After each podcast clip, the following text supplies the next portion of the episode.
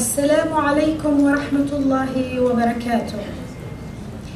مساء أدبي مكثف بالإنسانية العذبة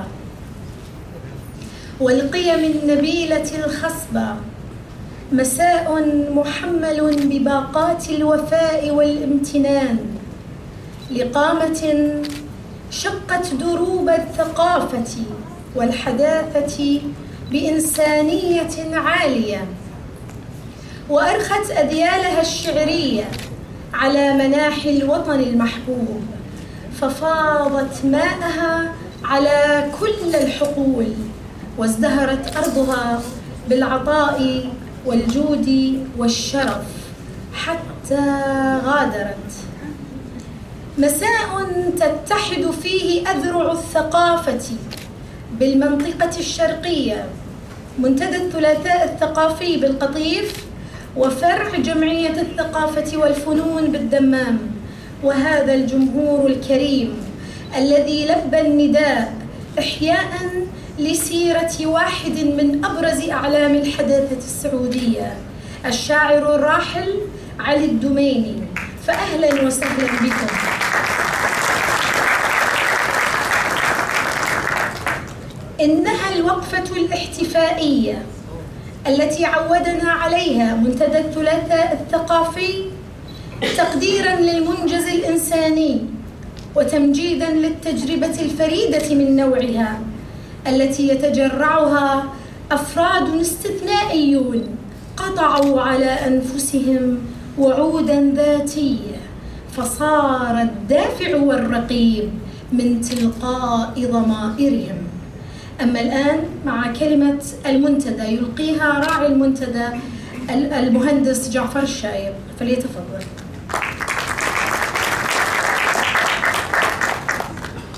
بسم الله الرحمن الرحيم. والصلاة والسلام على أشرف الأنبياء والمرسلين. السلام عليكم أيها الحضور الكرام جميعا ورحمة الله وبركاته. أحييكم في هذا المساء الرائع بحضوركم. وأتقدم لكم جميعا بجزيل الشكر والتقدير على جميل مشاركتكم لنا في حفلنا البهي هذا. وأخص بالشكر المشاركين في كلمات وفعاليات هذا اللقاء وهم من تجشموا مشقة وعناء السفر ليكونوا معنا وبيننا هنا في مقر جمعية الثقافة والفنون بالدمام التي نشكر إدارتها على تعاونها المتواصل مع المؤسسات الثقافية الأهلية.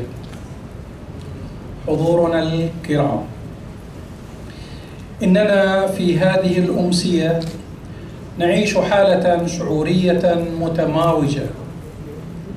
فالمشاعر والأحاسيس تختلط عندما نستحضر شخصية المرحوم علي الدميني الشاعر المرهف والأديب المبدع والشخصية الوطنية البارزة وشعلة النشاط التي لا تنطفئ ولا تخبو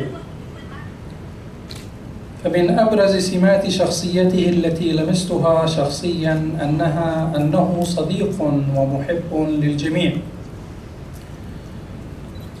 لا يبخل على أحد أيا كان من من فيض مشاعره وتقديم النصح والمساندة والرأي الصادق لكل من يتعرف عليه قريبا كان أو بعيدا. لن أتحدث عنه طويلا.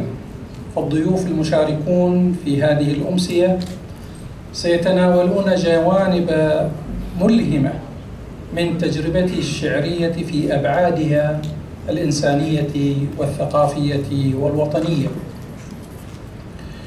ولكني أشعر فعلا بحضوره الطاغي بيننا في كل ركن وفي كل موقع وفي كل مناسبة. وعيا وفكرة وحكمة وتشجيعا ودعما ونصحا وإلهاما. أحبة الحضور لا زال منتدى الثلاثاء الثقافي يواصل جهوده في الاحتفاء والتكريم للمتميزين من الرواد في وطننا بصورة منتظمة. وخاصة أولئك الذين أبدعوا في تقديم تجارب ثقافية مميزة. انعكست آثارها ونتائجها على المشهد الثقافي الوطني. كما يهتم المنتدى أيضا بإصدار مخرجات هذه اللقاءات على شكل سلسلة سلسلة كتب تحت عنوان من أعلام الوطن حيث أعد منها لحد الآن ثمانية عشر إصدارا وذلك إسهاما في إبراز الأبعاد المختلفة لهذه الشخصيات الثقافية المتألقة. الحضور الكريم أحييكم وأشكركم مرة أخرى وأملي في أن تعبر هذه الأمسية عن جزء مما نحمله في دواخلنا تجاه هذا الإنسان الوطني الملهم. نسأل الله له الرحمة نسأل الله الرحمة لروحه النقية الطاهرة. ولكم جميعا وذويه وأصدقائه ومحبيه ولذويه وأصدقائه ومحبيه كل المحبة والتقدير. والسلام عليكم ورحمة الله وبركاته.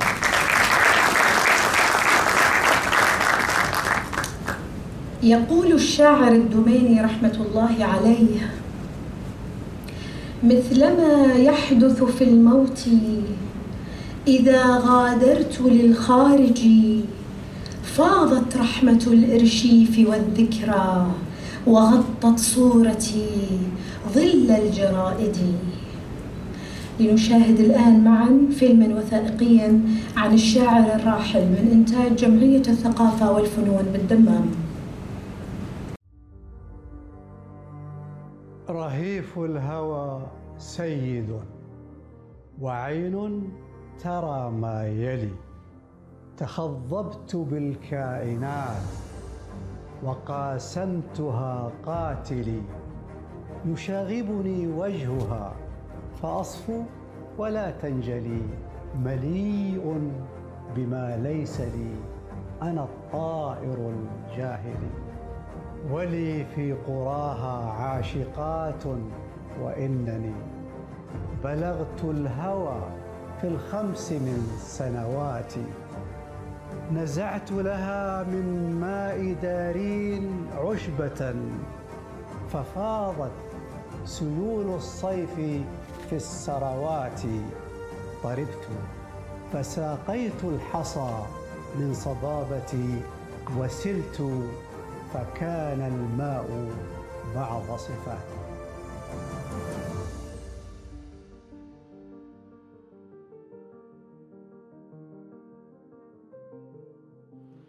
في الواقع أنا ولدت في قرية محضرة في منطقة الباحة.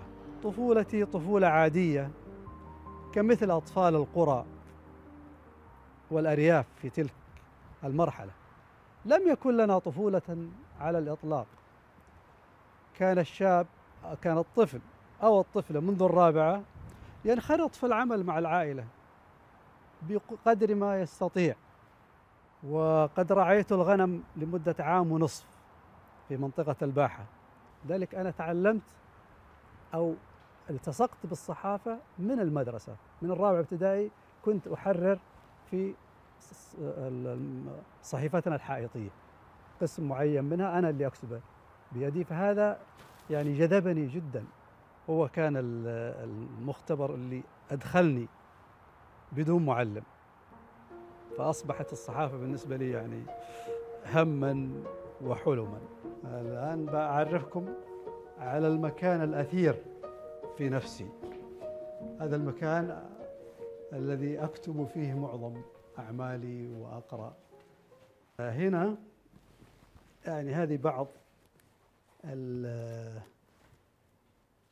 الدفاتر اللي يعني ملخصات الكتب اللي أقرأها أو الكتابات اللي أكتبها المسودات أو بعض القصائد. أن الإنترنت والوسائط الاجتماعية يعني أثرت تأثيرا كبيرا على الصحافة الورقية وعلى الكتاب والمكتبة أيضا. يعني مكتبتي هذه أنا متأكد أنها يعني غاضبة مني غضبا شديد. أيوة هذه مكتبتي بدأت يمكن أجمع كتبها من من أواخر الثانوية بس يمكن من ثالث ثانوي أيام ما كنت في جدة كنت بديت. النواة الأولى بعد ما تخرجت من البترول أصبحت أستطيع أن أسافر. فصرنا نجيب الكتب من القاهرة ومن بيروت. ومن بغداد ومن الكويت ومن كل مكان. وهذا تقريبا الكتاب السعودي. كنت مهتم بالكتب السعودية على أساس لو أنني في المستقبل سأكتب عنها شعر وقصة وكتابات وانشغالات لكن أشغلتنا الدنيا فما أنجزت إلا القليل في هذا في هذا الأمر. هنا أيضا كتب أخرى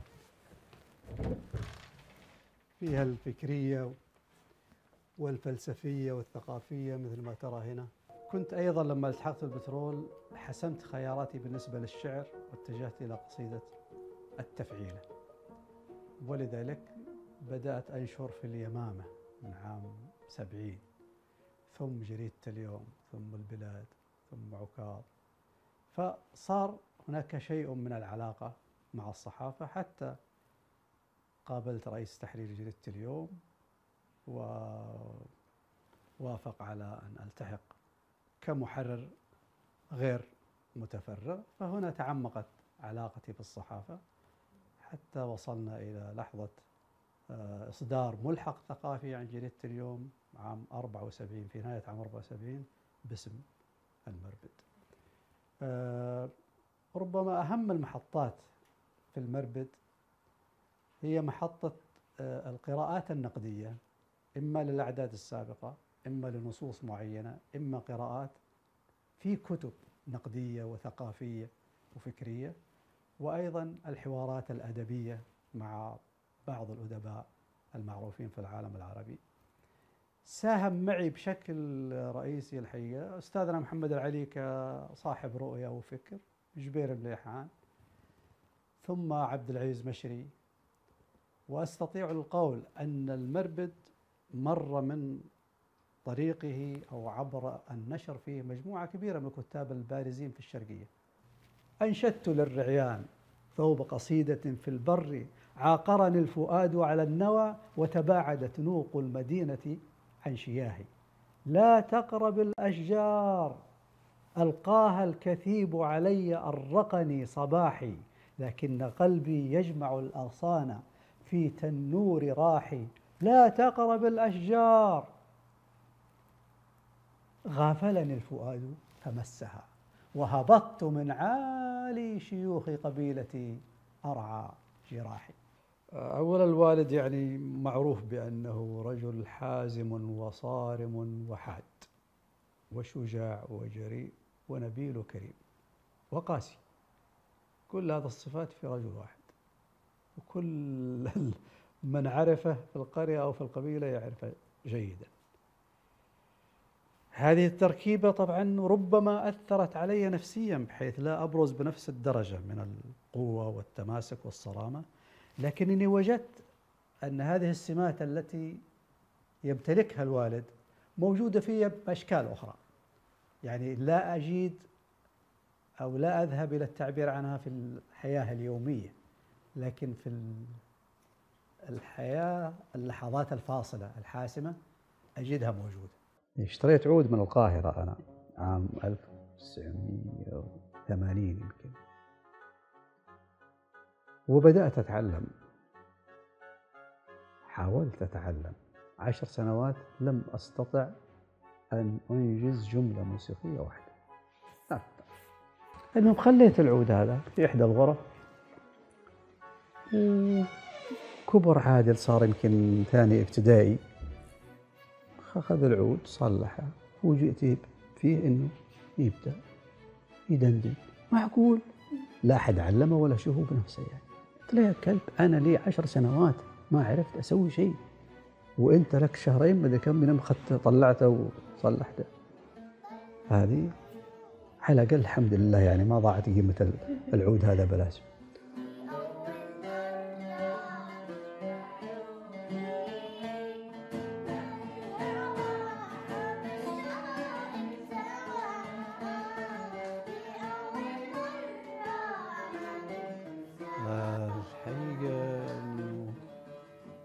هذه الكلمة التي تستخدم دائما وبشكل أحيانا مجانا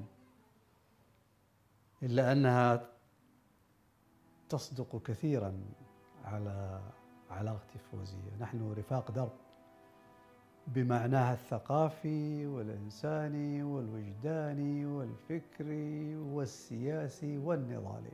آه، باعتقادي أن علاقتنا ربما هي من العلاقات النادرة في العالم. لذلك آه، سفري إلى الخارج قليل معارفي قليلة. حرمت من أجمل لحظات العمر وفترات الحياة أن أسافر لأحضر مؤتمرات ومهرجانات ولقاء شعراء آه، ودباء في العالم العربي أو غيرهم. حاولت أن أستعيد بعض ما فاتني ولكن يبدو أن النفسية الزمن ما عادت بنفس الدرجة السابقة. خلاص الله يا للجمال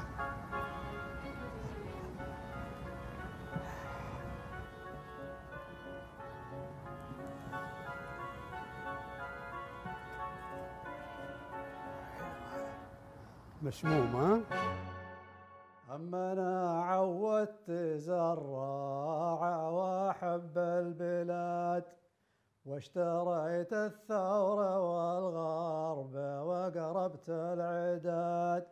كلموني بالشويش والزموا ثوري حبيش.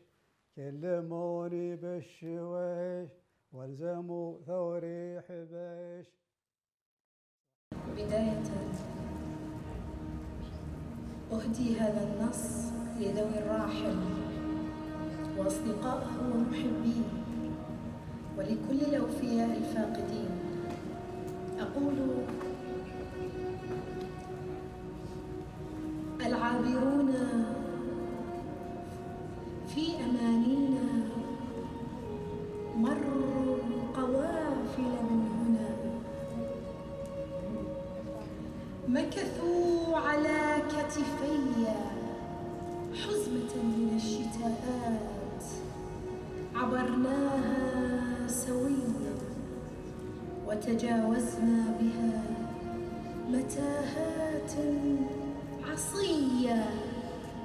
فصار الطريق واحدا. وفي ممر طويل مظلم عصف الصقيع بنا.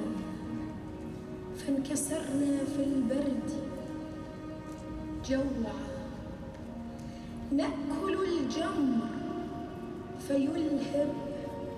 ما تبقى فينا من دخول مستحيل. العابرون في أمانينا حزموا الوجود وارتحلوا حزموا الوجود في جرار الوقت وارتحلوا ركبوا زوارق ما فتنوا. ذابوا كم الحمام لا يطفو مثل أخشاب السفينة.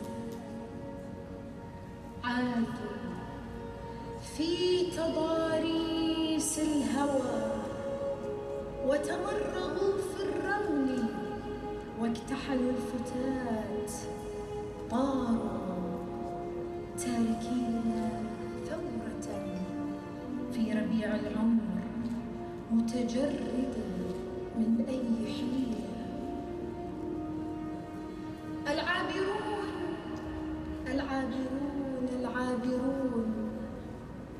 جثموا على صدر الزمان واعتلجوا بناي الوقت ما غاب صوت الحنين لهم.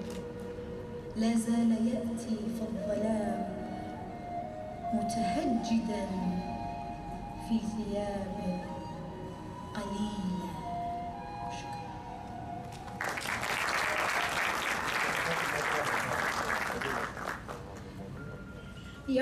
الشاعر الدميني في قصيدة الأصدقاء. هؤلاء الذين يربون قطعانهم في حشائش ذاكرتي. هؤلاء الذين يقيمون تحت لساني موائدهم كالهواء الأخير. مرة أستعير لهم فرح امرأة في الجريدة تبكي علي. مرة أطلق السهم نحوي فأخشى عليهم جنون الصبي.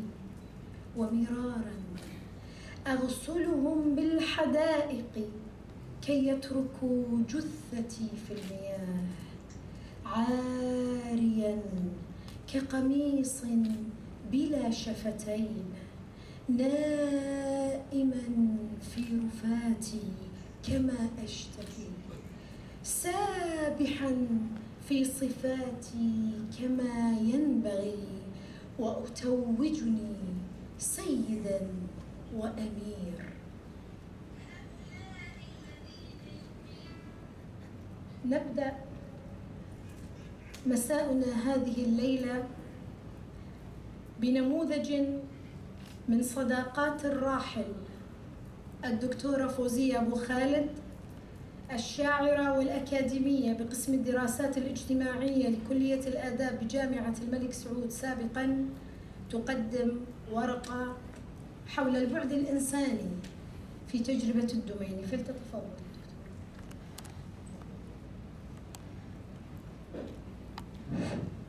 السلام عليكم ورحمة الله وبركاته. آه الحقيقة لازم أقول أنه فعلا أنا ممتنة بعمق شديد للمنتدى الثلاثاء وللأستاذ جعفر على هذه المناسبة وامتناني يمتد لجمعية الثقافة والفنون ولزملائي المشاركين ولأسرة الشاعر صديق الروح وتوأم الضمير علي الدميني ولعلي الدميني ولكل كل كل واحدة وواحد منكم ممتنة بعمق.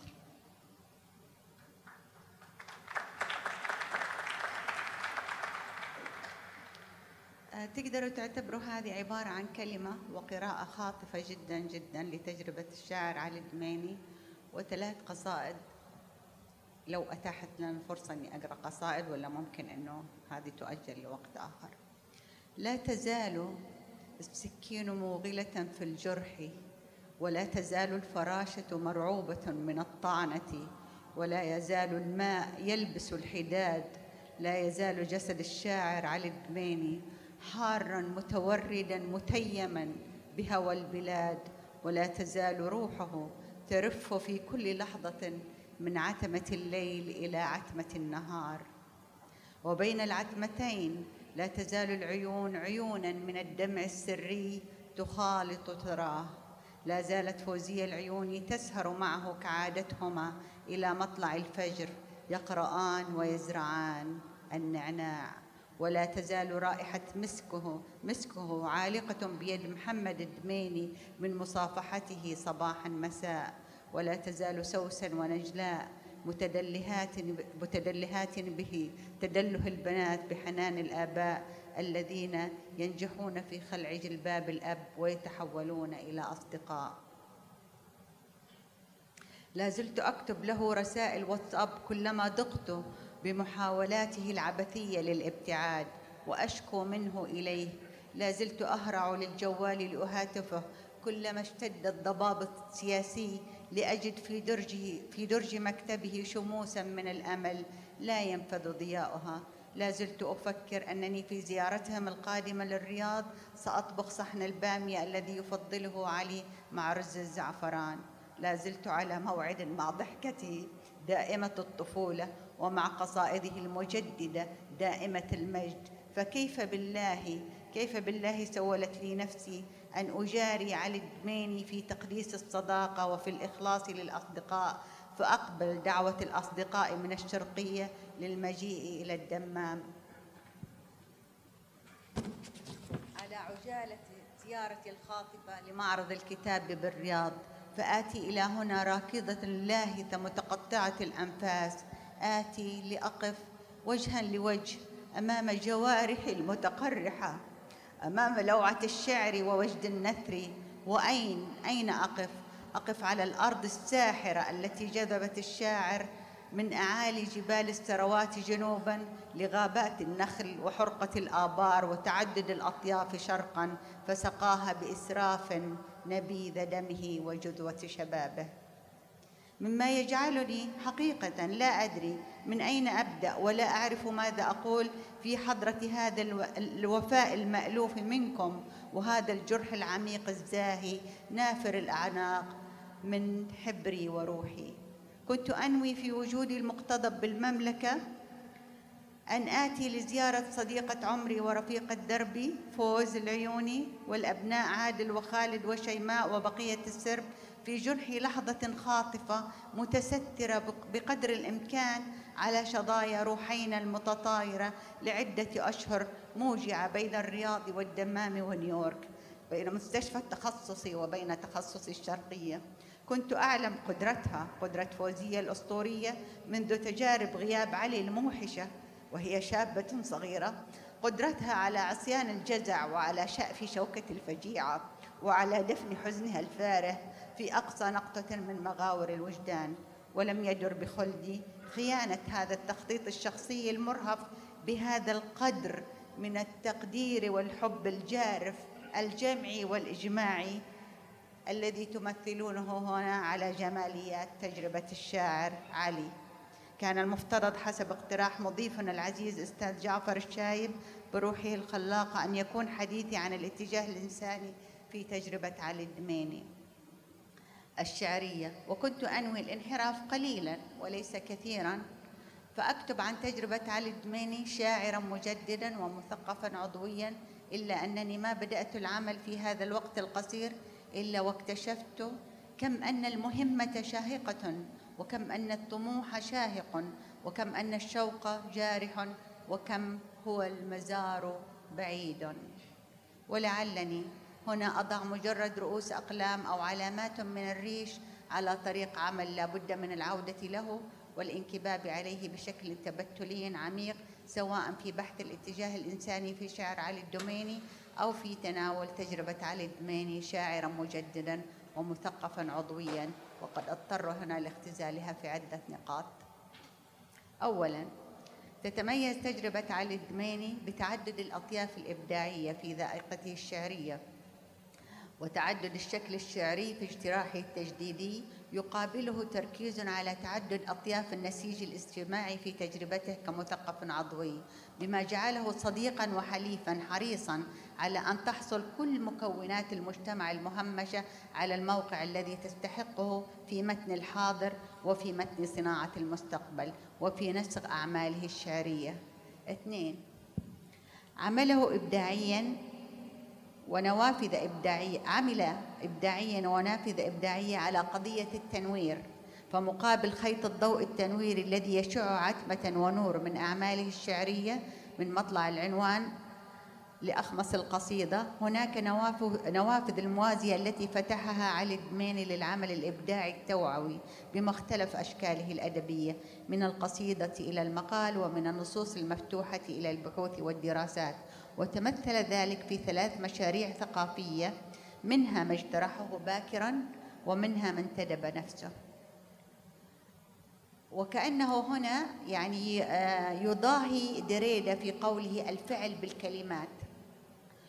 وقد انتدب نفسه للمشروع الأول باكرا بصحبة بصحبته لمهمة في أقصى في أقصى ظروف المد والجزر وتمثل ذلك في وقوفه مع مجموعة من مجاهليه في الدفع قدما على طريق التحديث والتنوير بتركيز محلي وبأفق عربي وراء الدور الطليعي الذي اطلع به المربد الثقافي صادر عن جريدة اليوم إبان السبعينات الميلادية. ثانيا مبادرته قبل منتصف التسعينات الميلادية وفي عز الجذر الجزر لتأسيس مجلة النص الجديد مع ثلة من مجايليه كمؤسسين ومحررين. وللمعلومية فكانت أظن المرأة المرة الوحيدة اللي المرأة يكون اسمها موجود في عضوية تحرير مجلة وتكون مؤسسة. وقد سعدت أنا بأن أكون أحد المؤسسين مع فوزية العيوني وعدد من الزميلات طبعا والزملاء. مبادرته الإلكترونية المبكرة أيضا في تأسيس منبر الحوار والإبداع بداية من العقد الأول في الألفية الثالثة. وأظن هذه طلال بيغطيها النقطة. أفضل مني. ثالثا شغفه الإبداعي كشاعر يعني من ملامح آه، تجربته كمثقف عضوي وكشاعر تجديدي. شغفه الإبداعي كشاعر وإخلاصه الفكري كمثقف عضوي على تطوير موقف نقدي من داخل الحركة الثقافية للساحة المحلية. يتأسس على استقلالنا الذاتي مع عدم التفريط في العلاقة التبادلية مع حركة النقد العربية والعالمية. وأتذكر أنه علي الدميني كده كنا في المطار آه، كان جايني حتى في مناسبة يعني كانت آه، أليمة بالنسبة لي لكنه في المطار أخذني وقال لي فوزية. يعني نحن في كثير من القضايا العربية اللي نحن بنتبناها وجميل إننا نتبناها وهي قضايا إنسانية ومن واجبنا إننا نتبناها. لكن أنا أبغى أقول لك إنه أبغاكي أنا تركزي على القضايا الداخلية وتشتغلي عليها.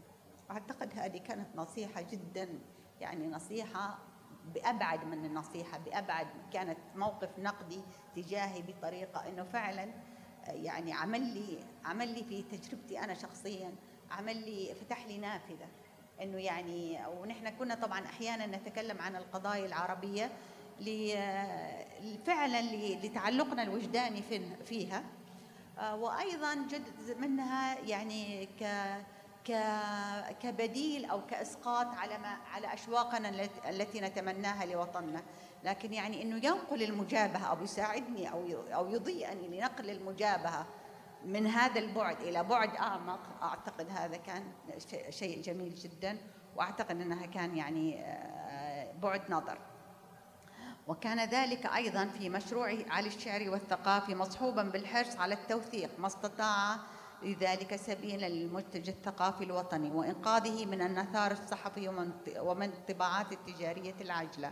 وتمثل الجانب الأول من هذه النقطة المسألة النقدية في كتابه أمام مرآة الشاعر محمد العلي وكتابه شجر الأغاني الذي قدم فيه قراءة شعرية ونقدية في آن عن تجربة الشعرية باطلاع تفصيلي على تحدياتها منذ ديوان إلى متى يختطفونك ليلة العرس. إلى ديوان الرابع عشر ملمس الرائحة. أما الجانب الآخر التوثيقي فتمثل في عمله التتبع المضني والذي شاركته بشهادة فوزية العيوني لجميع أعمال رفيق دربه رحمهم الله عبد العزيز المشري حيث قام بطباعتها من جديد في مجلدين جميلين ومقدمة تسجيلية ضافية بما فيها بعض مجاهل تلك الأعمال ومنها كتاب شعري مكون من قصائد نثر آه، عبد العزيز المشري كانت يعني مغمورة في مجمل نتائجه فهو أبرزها.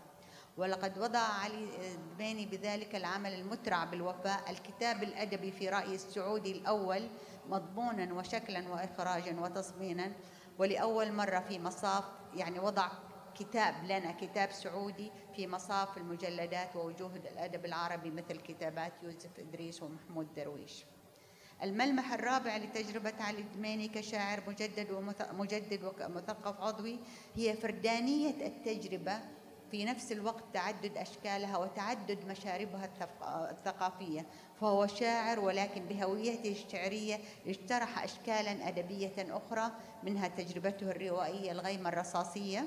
ومنها كتابته السردية لسيرة المعتزل الذي عاش التي عاش تجربتها كمثقف ولكنه أبى إلا أن يشعرنها في كتاب توثيقي توثيقي شجي. يعني احتفاؤه بالحياة في كل أحوالها احتفاؤه بالحزن والفرح والأصدقاء والأعداء بالعشق والفراغ. وكان مثلي يعشق الفصل ذي القمصان البهارية الصفراء. احتفاؤه بالطفولة بالريح بالتحولات احتفاؤه بالنساء احتفاؤه احتفاء المحاربين بالحياة والموت. واليوم كنت أتكلم مع فوزية إنه أنا آخر مرة شفته كان في الرياض قبل ما أطلع أمريكا وكنت أشعر يعني جرأته واحتفاؤه بالموت. قالت لي فوزية إنه هو ما عمره ولا للحظة ولا في أقصى اللحظات كان هياب من هذه اللحظة. لا تزن لا تزال ترن في مسمعي بالحي الدبلوماسي في لقائنا الأخير بحضور فوزية كلماته إن كان موتا فمرحبا. ألف.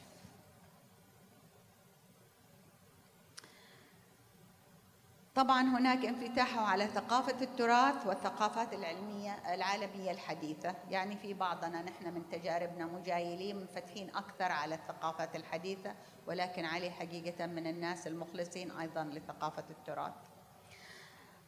سادسا وأخيرا من هذه الملامح ورغم انغماس علي الوطني من صمامات القلب حتى النخاع فلم يكن مشروعه الشعري بأي شكل من الأشكال رهين السياسة. لم يركب قط في شعره موجة الالتزام التقييدية لا بالمعنى الأيديولوجي ولا بالمعنى النرجسي رغم كل ارتباطه الوطني. أختم لو سمح الوقت بس أنتم علموني في عندي كم قصيدة بس ممكن أقرأ منهم واحدة. إذا يسمح الوقت ما أدري فين رجاء مديرة الجلسة. طيب أنا بهالمناسبة الحقيقة أبغى أش... أوجه تحية للبنية الجميلة اللي ساهمت معايا في عمل أو بالأحرى هي اللي أخرجت وصممت بس كانت فكرتي واللي تفضل الأستاذ جعفر وفريق عمله بقبوله آه، الجزء الأول من الفيلم اللي هو الفيديو حق آه، شمس علي آه، فكرا وشعرا. فأشكر الجميلة نورة أحمد آل داود على هذا العمل. بالله تحية لها جميعا.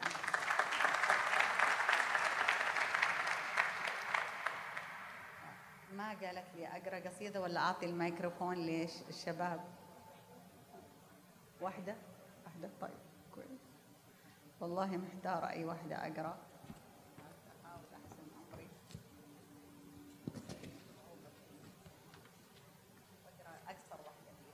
بس عشان حفاظا على الوقت.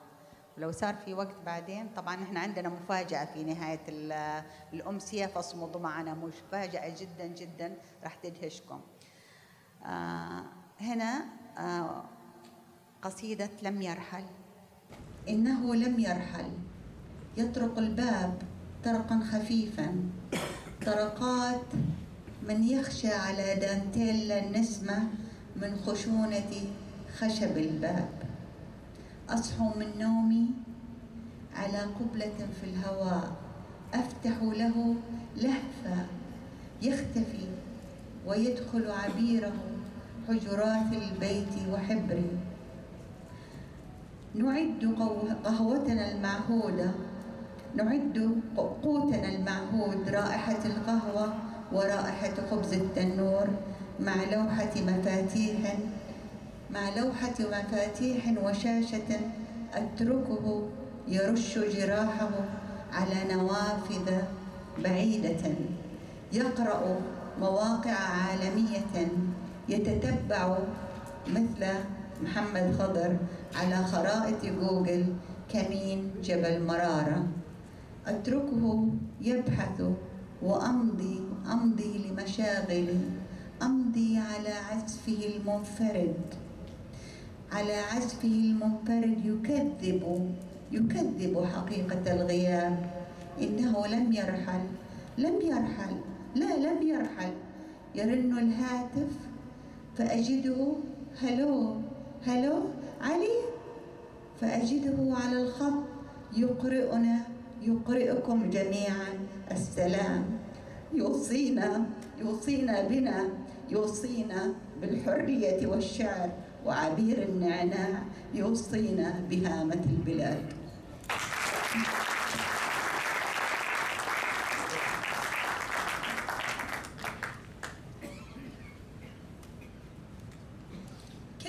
الأستاذ ميرزا الخويلدي بجريدة الشرق الأوسط يقول لم يكن الدميني مجرد حالة أدبية أسهمت بفاعلية في تأسيس الحركة الشعرية الحديثة في المملكة وإنما كان عنوانا بارزا في مشروع الحداثة الثقافية والفكرية والاجتماعية الذي وجد روادا ينافحون من أجله ويحملون شعلته. وكانت القصيدة في يده كفاعلية ممكنة لاختراق السائد وإعلان التساؤل حول كمال المنجز وفتح الأبواب العلنية لتأسيس ذائقة جديدة تؤدي دور المفاعيل الثقافية والاجتماعية الأخرى الغائبة. فقد امتزجت شعرية الدميني بالوعي وعي اللحظة الشعورية وعي الزمان الذي يتشكل سريعا ووعي المكان الذي تسري فيه عجلة التحديث والتطوير والنمو مع اتساع دائرة التعليم والمعرفة. في هذا الصدد نستضيف الدكتور حسن مدن من البحرين دكتوراه الفلسفة في التاريخ الحديث والمعاصر ترأس قسم الدراسات والبحوث بدائرة الثقافة في الشارقة وشغل منصب الأمين العام للمنبر التقدمي في البحرين وتقلد أدوارا ثقافية دولية متعددة. فأهلا وسهلا دكتور حسن.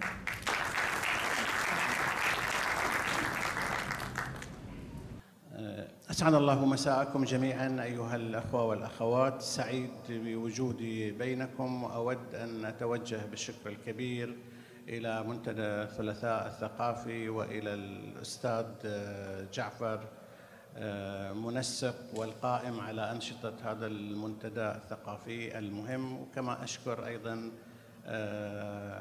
جمعية الثقافة والفنون في الدمام لاستضافتها هذا اللقاء. أنا دائما أرى أن للتنمية الثقافية وللثقافة شرطين. الأول يمكن نطلق عليه الصناعة الثقيلة الذي يتصل بالبنية التحتية للثقافة الذي يجب أن تتحمله الدول والحكومات مثل بناء المسارح والمكتبات والمعاهد وإلى آخره. وهناك الجانب الآخر المتصل بالمجتمع المدني أو الأهلي والذي يتمثل في المبادرات الثقافية. كما هو الحال الآن مع منتدى الثلاثاء الثقافي وسواه من المبادرات الثقافية سواء في المملكة العربية السعودية أو في البحرين أو في سواها من المجتمعات. أنا طبعا أحييكم من البحرين أنقل إليكم تحيات الكثيرين من أهل الثقافة والفكر فيها من محبي فقيدنا العزيز وأصدقائه ونحن نعلم جميعا ما الذي تعنيه البحرين له وهو ما عبر عنه هو نفسه في الفيلم التسجيلي الذي أنتجته هذه الجمعية والتي تقام فيها أمسيتنا.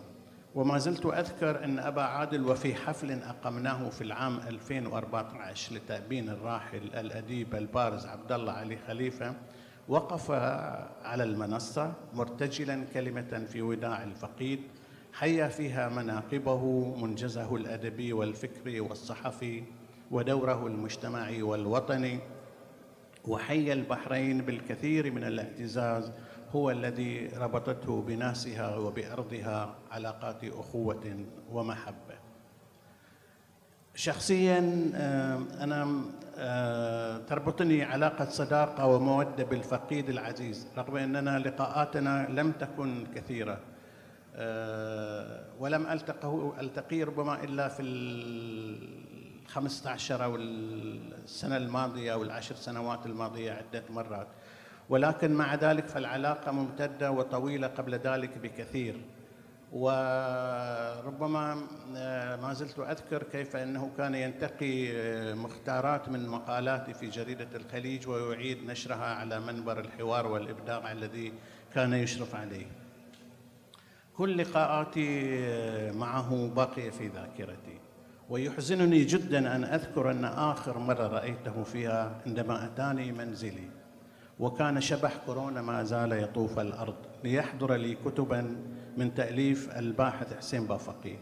ارسله أرسلها له ليوصلها لي.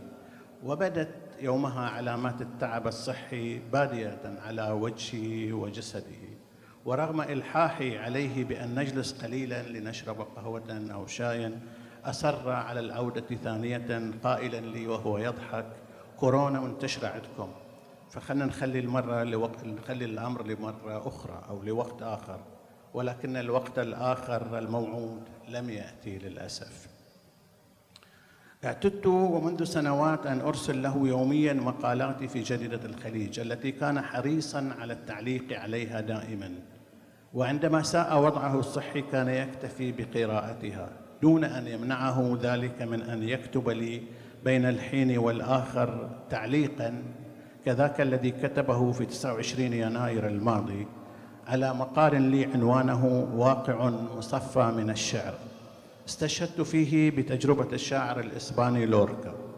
كتب أبو عادل يقول كلامك جميل عن الواقع المصفى بدون قطرة واحدة من الشعر.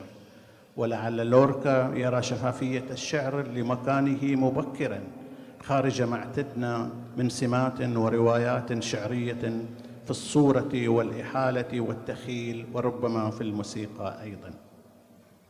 منحتني هذه الرسالة منه جرعة تفاؤل حول وضعه الصحي. يعني قلت طالما أصبح في وضع أن يكتب تعليقا مثل هذا فإنه في في تحسن. وعندما سألته عن حاله أجابني بالتالي الأحوال تتأرجح مثل ريح المتنبي. لكني آمل في تجاوزها رويدا رويدا وهو هنا يشير إلى بيت المتنبي الشهير على قلق كأن الريح تحتي أوجهها جنوبا أو شمالا. ومفهوم أن شاعرا بقامة علي الدميني لا بد أن يكون ماخوذا بشعر المتنبي فيستشهد بشعره في وصف حاله الصحية القلقة. وطالما أننا ذكرنا المتنبي فلا بأس أن نقف على الفرق بين حالي الشاعرين المنتسبين إلى زمنين مختلفين وتجربتين حياتيتين وشعريتين مختلفتين. انطلاقا من قول المتنبي أعز مكان في الدجى سرج سابح وخير جليس في الزمان كتابه فالدميني مثل المتنبي جليس الكتاب. لكن إذا كان المتنبي ذرع الفيافي والديار متنقلا من حاضرة إلى أخرى فإن الظروف حالت بين علي الدميني والسفر لمدة سنوات طويلة آه، لمدة سنوات طويلة. في رسالة جوابية أخرى منه ردا على سؤالي عن صحته في التاسع من فبراير اكتفى بهذه الكلمة الموجعة. تعبان. كانت تلك المفردة اليتيمة المحزنة أمارة أنه يحضر نفسه للرحيل. لكن من قال إنه رحل أو سيرحل؟ مثله لا يرحل ولا يغيب. خصص علي الدميني في كتابه أمام مرآة محمد العلي الذي رصد فيه شاعر ينتسب إلى جيل آخر أصغر. تجربة شاعر آخر يمثل جيلا أكبر وصاحب تجربة ملهمة ملهمة ورغم أن الكتاب مخصص للتجربة الإبداعية والكتابية لمحمد العلي ألا أنه يشكل مرجعا جديرا بالعودة إليه عند كتابة بدايات الحداثة الأدبية والمجتمعية في السعودية. لأن الدويني بما يملك من رؤية معرفية واسعة يتقصى أوجه هذه الحداثة من خلال تتبعه الدقيق والتفصيلي لتجربة محمد العلي. مصادرها وتحولاتها وتأثيراتها على مجايليه وعلى الجيل اللاحق من أدباء وكتاب السعودية. نقول خصص علي الدميني في هذا الكتاب الواقع في سبعة أبواب بابا بعنوان محمد علي والحداثة. هذا الباب بتقديري مهم جدا آه، لأنه آه، يقدم رؤية علي الدميني لمفهوم الحداثة وهذا ما أريد أن أسلط عليه بعض الضوء آه، الآن انطلاقا من أحاديث ومقابلات آه، وأقوال لعلي الدميني نفسه. آه، في هذا المبحث تحاشى الدميني المنزلق الذي وقع فيه آخرون حين حصروا حديثهم عن الحداثة في الجانب الأدبي بالتركيز على التجارب الشعرية والسردية والدراسات النقدية. لينظر إلى هذه الحداثة بوصفها مشروعا فكريا وسياسيا واقتصاديا واجتماعيا. اشتمل في حركته على قيم التنوير كالعقلانية وحرية الفكر والضمير والتفكير والإبداع والتقدم وقيم العدالة الاجتماعية والمساواة والرفع من مكانة المرأة. لا يصح بطبيعة الحال التقليل من أهمية الحداثة الأدبية. والانفتاح على المدارس والمناهج والتجارب الجديدة في دنيا الأدب والفكر طبعا. ويحدث كثيرا وربما غالبا أن تسبق الحداثة الأدبية أوجه الحداثة الأخرى. ولكن علينا أن نقرأ ذلك في سياق تحولات أشمل اجتماعية وسياسية وفكرية. وربما نرى في تلك الحداثة الأدبية علامة على جاهزية المجتمع المعني لفكرة الحداثة نفسها. وهذا ما نحسب أن علي الدميني ومثله في ذلك مثقفين آخرين في السعودية والمنطقة كانوا واعين له.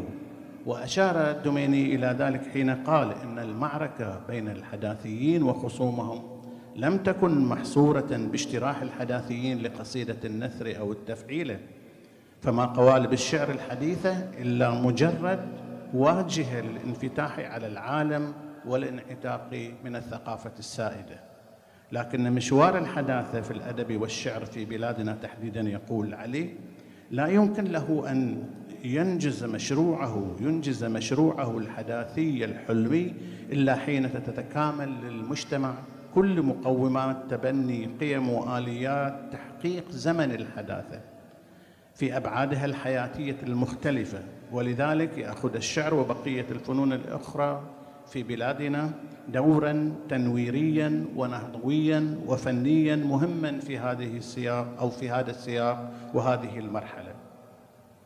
وبتقديره فإن الحداثه وفق قيمها الناظمة لسيادة العقلانية والحرية والديمقراطية وتحرير الكينونة الذاتية والإبداعية من أحمال الإرث والعادات والقهر الاجتماعي والسياسي لا تتحقق بشكل عام إلا ضمن منظومة من التفاعلات الجدلية والتكاملية بين المكون الثقافي والاجتماعي والاقتصادي والسياسي لأي مجتمع وليست مقتصرة على الفكر والآداب والفنون فقط. وإن كانت هذه الأخيرة تحتفظ بخصوصية واستقلالية مختلفة. وهذه النقطة اشارت لها الدكتورة فوزية الآن إن وسأتي أيضا بعد قليل على ذلك أن رغم الموقف الوطني الملتزم الذي جعل من علي الدميني مثقفا عضويا بامتياز لكنه كان يقدر دائما خصوصية واستقلالية العمل الحقل الثقافي والأدبي أي أنه ليس من دعاة نظرية الانعكاس في معناها الضيق والجامد الذي ترى الأدب مجرد انعكاس ميكانيكي أو آلي لما يدور في المجتمع. على صلة بذلك؟ قال فقيدنا الكبير في حوار معه أجراه الأستاذ ميرزا الخويلدي أن الشاعر الحداثي لا بد أن يكون حداثيا في ثقافته وفكره ورؤيته وموقفه وفي مسيرته الحياتية اليومية في مجتمعه. وفي سيرة الدمين الآتي من ريف الباحة الجنوبي في السعودية إلى الظهران على ساحل الخليج تتجسد سيرة المبدع والإنسان الحداثي المشتبك مع قضايا ناسه ووطنه وأمته بكل صدق وإيثار وتفان. شرح الدميني موقفه هذا بالقول يلهمني ضميري الثقافي ومسؤوليتي الشخصية عن إنسانيتي خصيصة التفاعل الصادق مع القضايا الإنسانية والوطنية والقومية. وأرى ذلك عنصر إثراء لرؤية النص واستراتيجية خطابه. ولكن مختبر الشعر الخاص لا ينحاز إلى إنتاج القصيدة المباشرة أو الشعارية وإنما يعمل على إبداع رؤية نص يسرب دلالاته الثقافية في نسيج جمالي يتوسل الإيجاز والإلماح والإحالة الرمزية إلى ما يقع خارجه من تلك المتكونات دون أن يذهب إلى التقريرية المباشرة.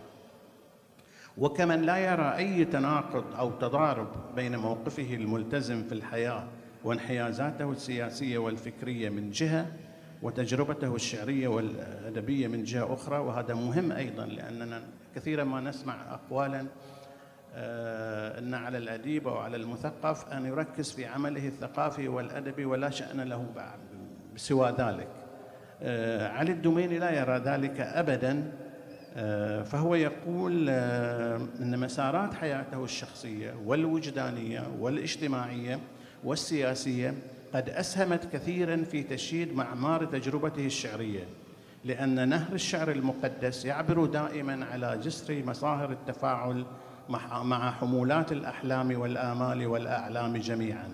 ومع إدراكه بأن الاهتمام بالشأن العام وفي جانبه السياسي تحديدا بقدر ما يضيف للتجربة من أبعاد ومحفزات مهمة ألا إنه يستنزف جزءا مهما من زمن الشاعر الذي كان يحتاج إليه للتركيز على الشعر وتطوير وتطوير الشعرية. وقد يعمل ذلك الاهتمام على رفع وتيرة نبرة المباشرة في خطاب الشعر ولكن وهذا ما يؤكده هو حرص على تجاوزه باستمرار.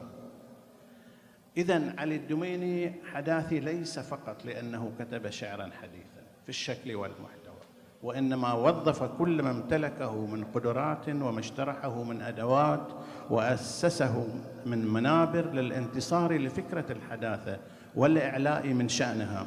أكان ذلك من خلال كتاباته في الصحافة السعودية أو إشرافه على ملحق المربد الذي أتت الآن الدكتورة عليه بتفصيل آه، أكثر. لذلك لن أقف أمامه.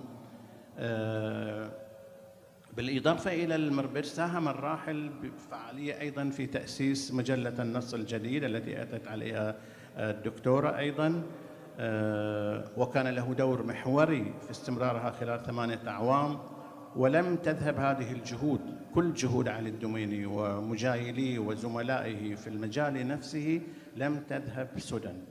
وهو يقول إن مشروع الحداثة الأدبية والفنية في بلادنا قد تغلب على كل العنف المضاد له من الجهات كافة واستطاع أن يرسم لوحة مشرقة نعتز بها في النقد الأدبي والشعر والسرد والتشكيل والمسرح التجريبي والسينما الجديدة رغم كل العقبات. وعلي الدميني الإنسان الطيب دمث الأخلاق والمتواضع في الحياة كان كذلك في الأدب. فعلى أهمية تجربته الشعرية والأدبية التي نعرف فإنه قال إذا أتينا إلى حقل الشعر تحديدا فإنني أعد نفسي غصنا من شجرة التجديد أو في شجرة التجديد والرنو إلى الحرية والحداثة في العالم. مثلما أراني في بلادنا واحدا ممن مضوا في هذا الدرب الطويل الذي امتد من محمد حسن عواد إلى حسن القرشي وغازي القصيبي إلى محمد العلي وتأتي ضمن هذا السياق أسماء كثيرة جدا وبخاصة في الحقل السياسي. إلى جانب شخصيات بارزة في حقول الأدب والفكر والاجتماع والإبداع من أمثال عبد الله عبد الجبار حمزة شحاتة عبد الله القصيمي وأحمد السباعي وعبد الكريم الجهيمان وغيرهم. وجيلي الذي أنتمي إليه معددا بعض من أسماء هذا الجيل ومن تلاهم مثل فوزية أبو خالد وأحمد الملا وجاسم الصحيح وعلي الحازمي وآخرين لا تسع المجال لذكرهم هنا. غادرنا علي الدميني في وضع عربي صعب ومعقد نحن شهود عليه حيث انهارت أو تضعضعت الدولة الوطنية في بلدان عربية مفصلية. وتشهد الهويات الفرعية انفجارات غير مسبوقة على حساب الهويات الوطنية الجامعة. ولكن علي الدميني لم يفقد الأمل ابدا. قائلا إنه رغم كل تلك الكوارث فإنه يبقى متفائلا. والسلام عليكم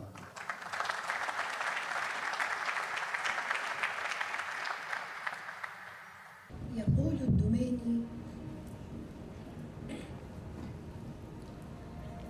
يقول الدميني في قصيدة الخبز من ديوان رياح المواقع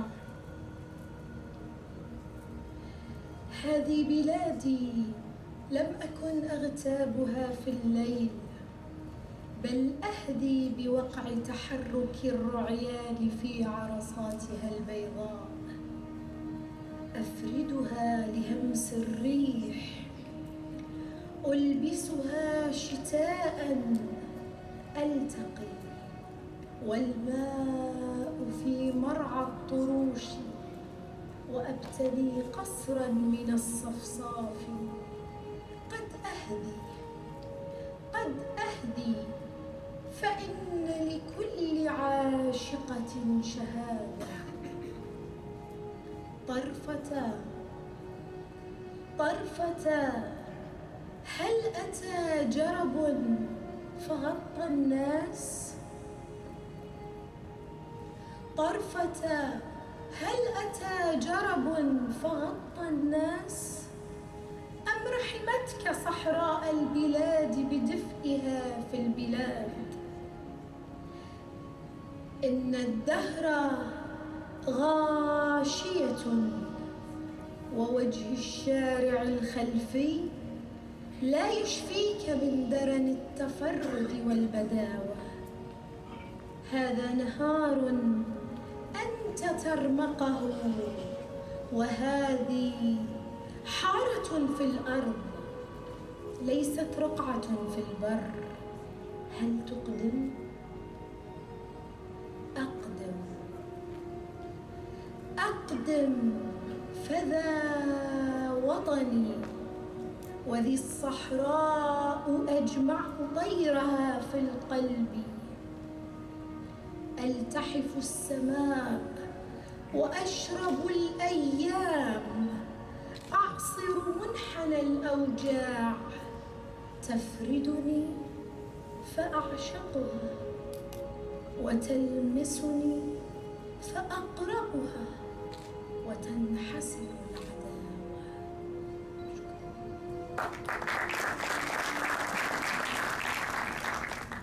أما الآن مع الشاعر الأستاذ طلال الطويرقي وهو شاعر صدر له العديد من الأعمال الشعرية وشغل أدوارا ثقافية متعددة فليتفضل بتقديم ورقته حول الشاعر. أسعد الله مساكم بكل خير. عندما تلقيت الاتصال بشأن هذه الأمسية من الأستاذ المهندس جعفر الشايب كنت سعيدا أنني أشارك للمرة الثانية أو الثالثة بشكل أدق في تأبين أخينا وأستاذنا الفاضل وشاعرنا الكبير ومثقفنا الوطني البارز علي الدميني. كنت سعيدا وعدت إلى قراءة أعماله الموجودة بين يدي وكانت تلك سعادة مضاعفة جدا في أن أخرج ببعض المواقف والذكريات وبعض ما دونته كملاحظات أثق أن أغلبكم يعرفها ويعرف محتواها وسأكون كناقل التمر إلى هجر. مداخلتي سأقسمها إلى قسمين القسم الأول سيتعلق بمواقف وذكريات وهذا الذي كنت سأركز عليه بدءا. ولكن الأستاذ المهندس جعفر الشايب اقترح أن أضيف صورة الوطن عند علي الدميني.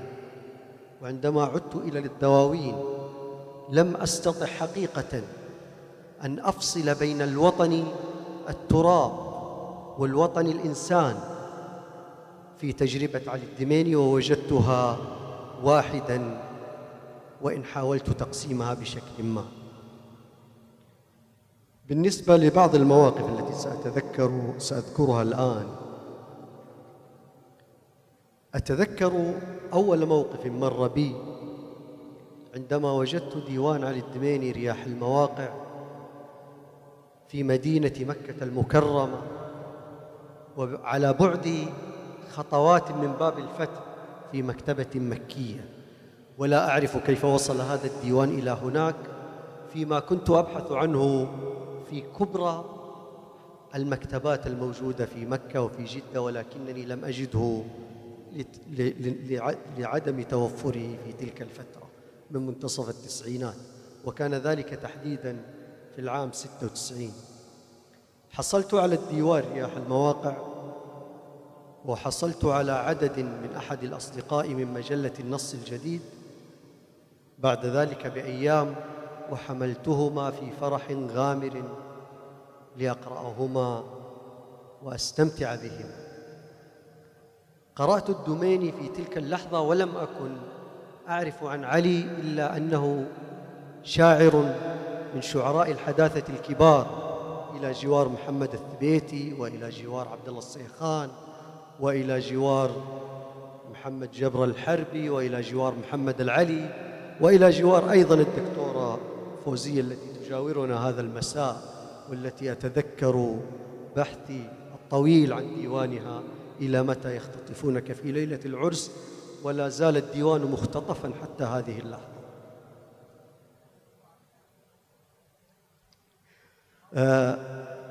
عندما وجدت الديوان ديوان رياح المواقع قرأته ووجدت شخصية طرف الذي كل الذي جميعنا نعرف طرفة ونعرف قصته الشهيرة. لفتني هذا الرمز البنائي في العمل في تلك الفترة خصوصا أنني كنت قريبا جدا في تلك المرحلة من التراث فأبحرت لأجد الشبه الكبير والتجربة العريضة المشتركة ما بين طرفة وما بين علي. فعلي طرفة وطرف علي يتساوقان في زمنين مختلفين.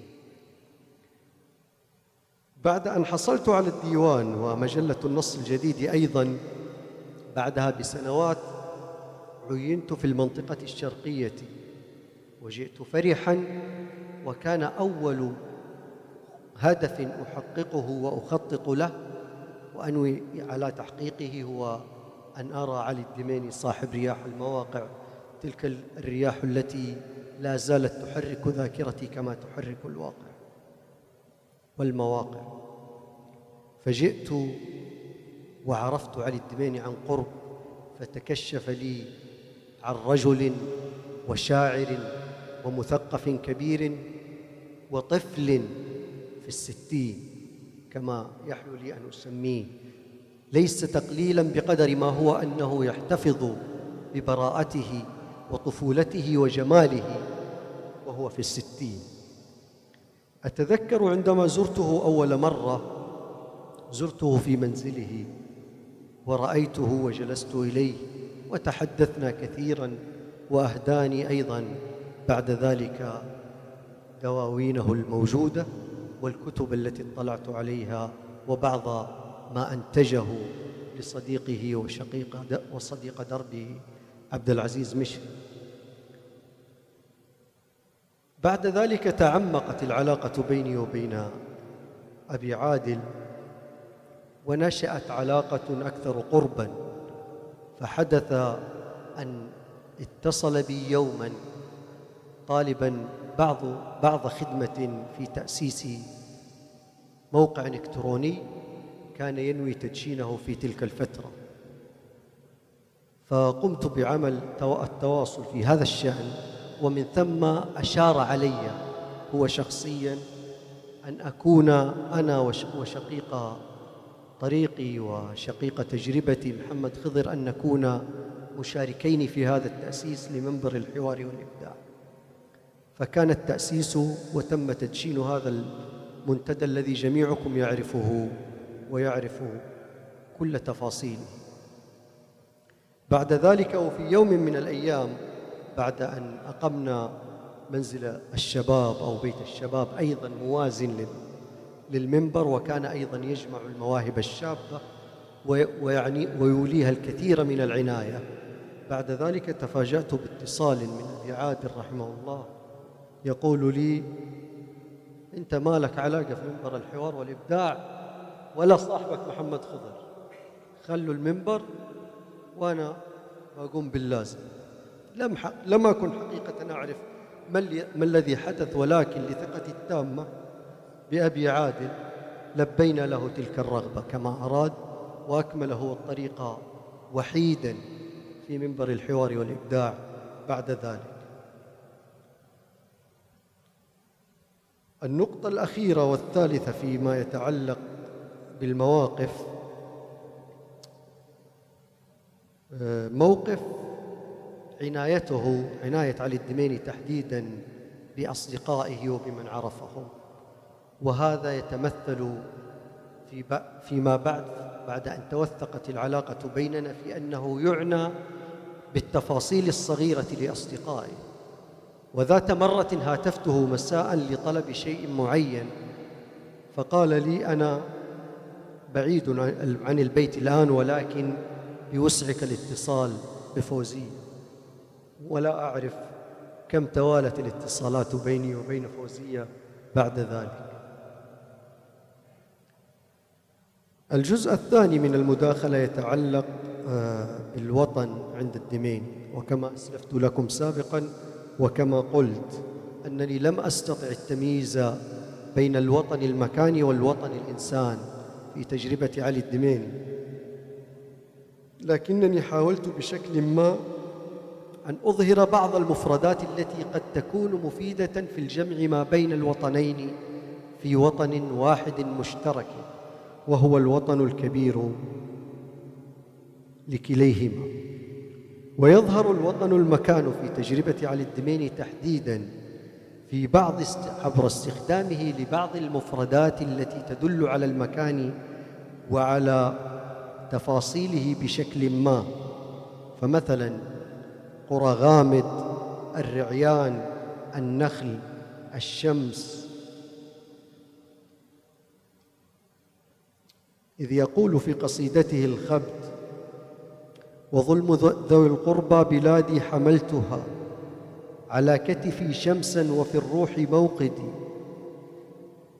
إذا جف ماء المزن أسقيت غرسها بدمعي ووجهت الزمام لتهتدي إلى أن يقول أنشدت للرعيان ثوب قصيدة في البر عاقرني الفؤاد على النوى وتباعدت نوق المدينة عن شياهي.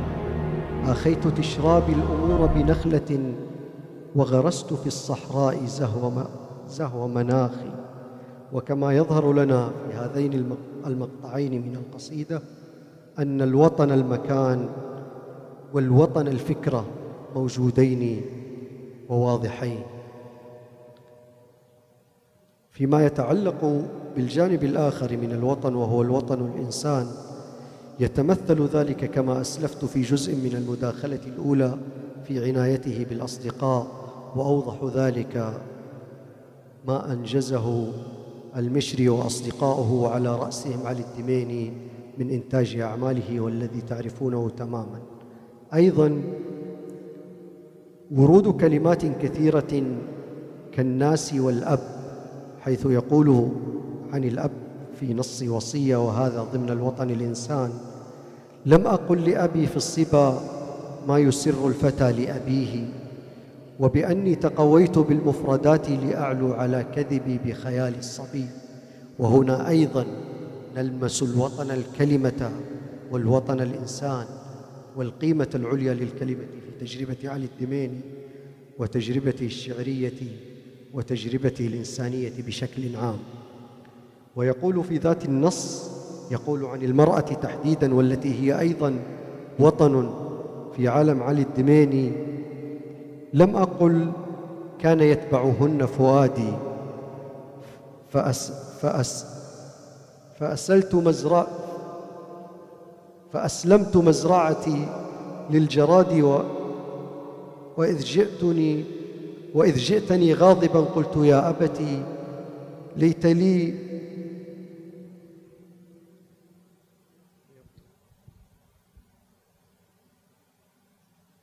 يقول في ذات النص عن المرأة لم أقل كان يتبعهن فؤادي فأسلمت مزرعتي للجراد وإذ جئت جئتني غاضبا يا أبي قلت يا أبتي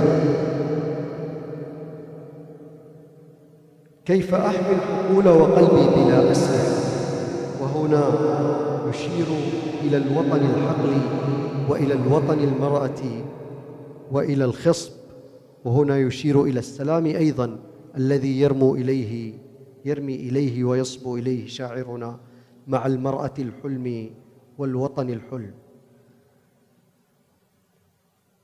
وحين يتحدث عن الناس يقول حين يجهدك الناس أو يجهد الناس أمري أتلمس صدري أفتشه هل تبقى به نورس أو بلاد صغيرة؟ أترى حطت الطير فيه بكارات بكا بكاراتها بعد أم ضرب البدو فيه الخيام. وعن ال وكذلك هنا يتحدث عن الخيام وعن الوطن. عموما أخلص آه، إلى بعض النقاط التي أكدتها والتي يعرفكم يعرفها أغلبكم. إلى أننا لا يمكن لنا الفصل بين العام والخاص في شعر الدميني كما لا يمكننا الفصل أيضا بين الوطن المكاني والوطن الإنساني والوطن المرأة إذ هما يتساوقان في بين فيما بينهما في في في ثنايا نصوصه وحياته.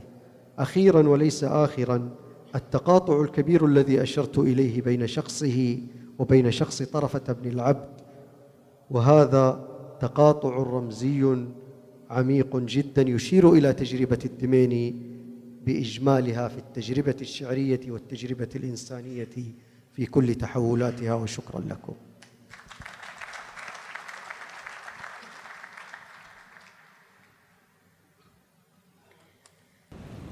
كما قال الشاعر عبد الرزاق الربيعي إن حياتك لم تكن خاوية بل كانت ملأى بأجنحة الأحلام المنكسرة والمتع المجهضة والحكايات الكبرى.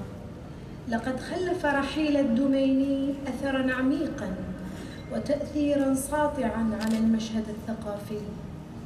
فقد كتب الشاعر الكويتي دخيل الخليفة يرحل المبدع جسدا لكن روحه تظل محلقة في آفاق المشهد الشعري والفكري.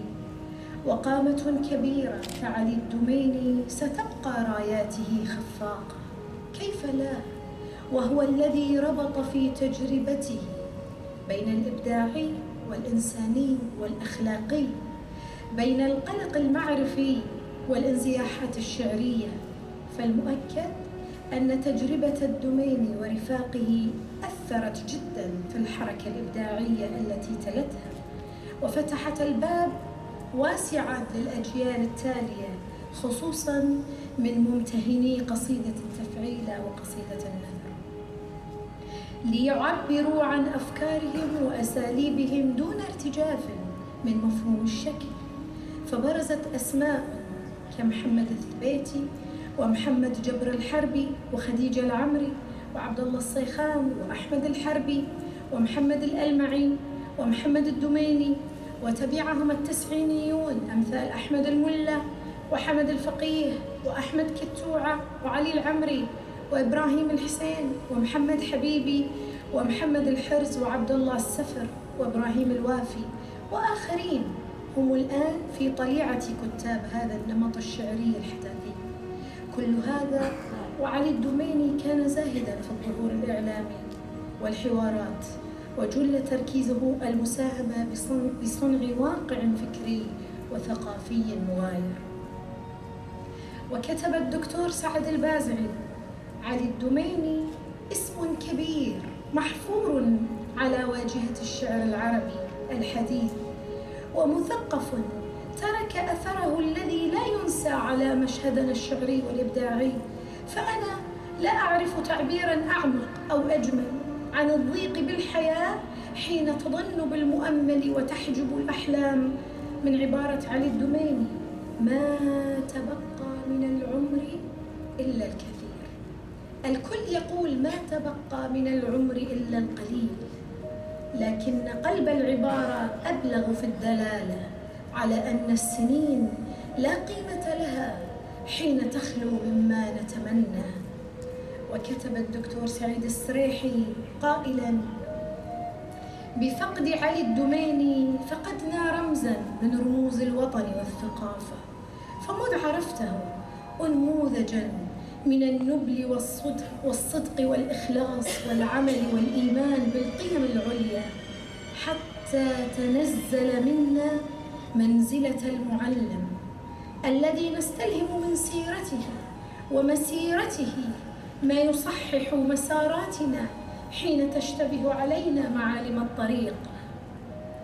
نقترب الآن من الختام ونستمع لمقطوعة من كلمات الشاعر علي الدميني يقدمها الفنان محمد العبد الباقي.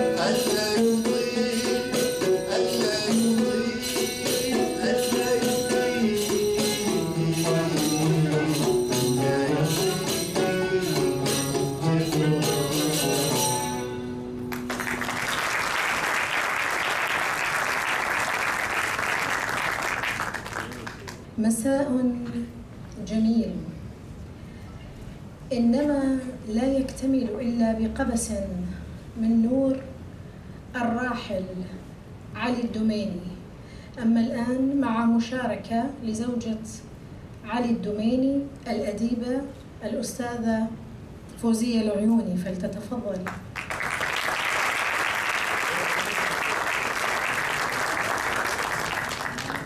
مساء الخير جميعا.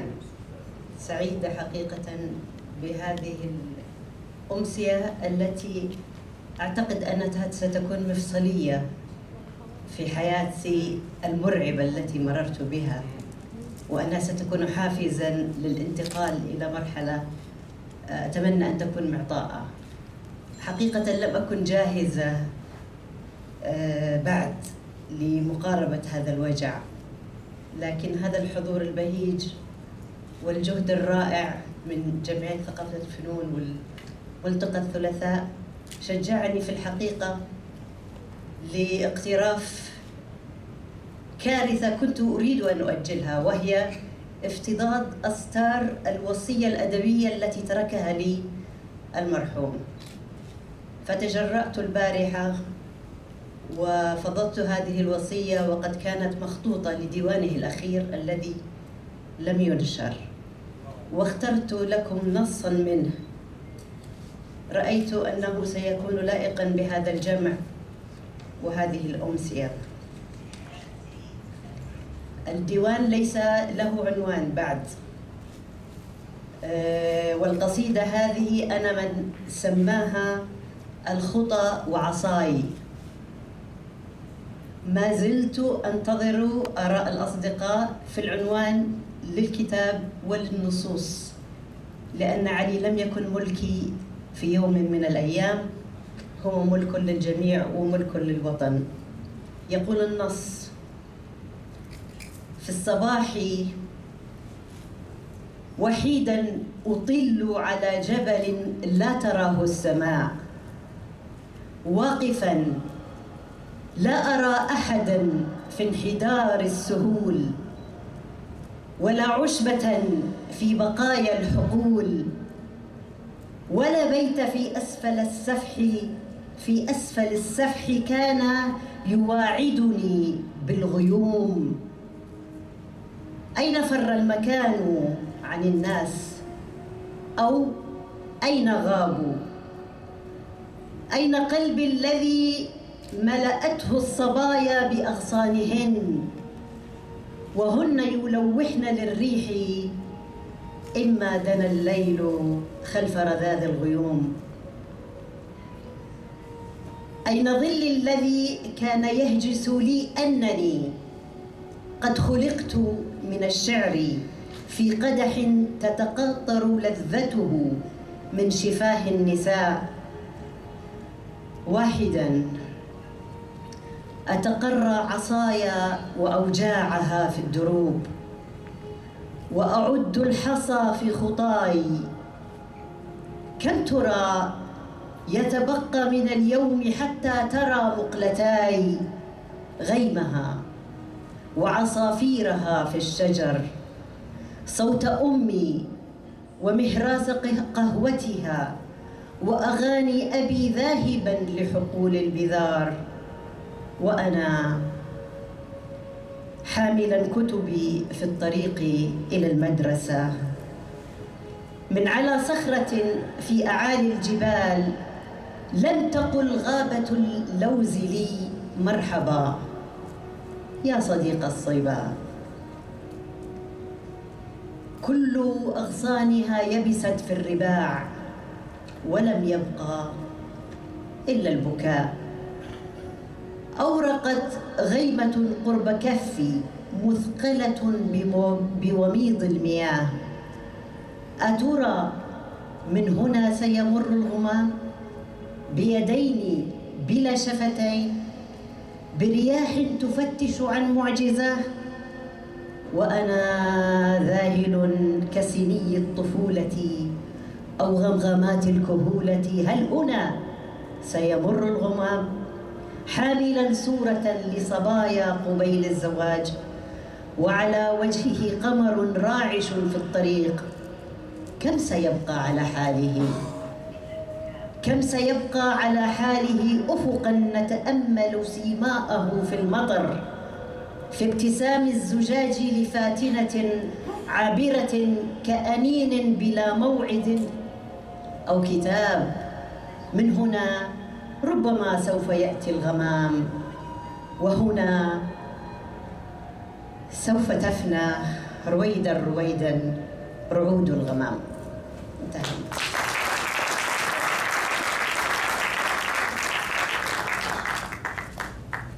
في الختام.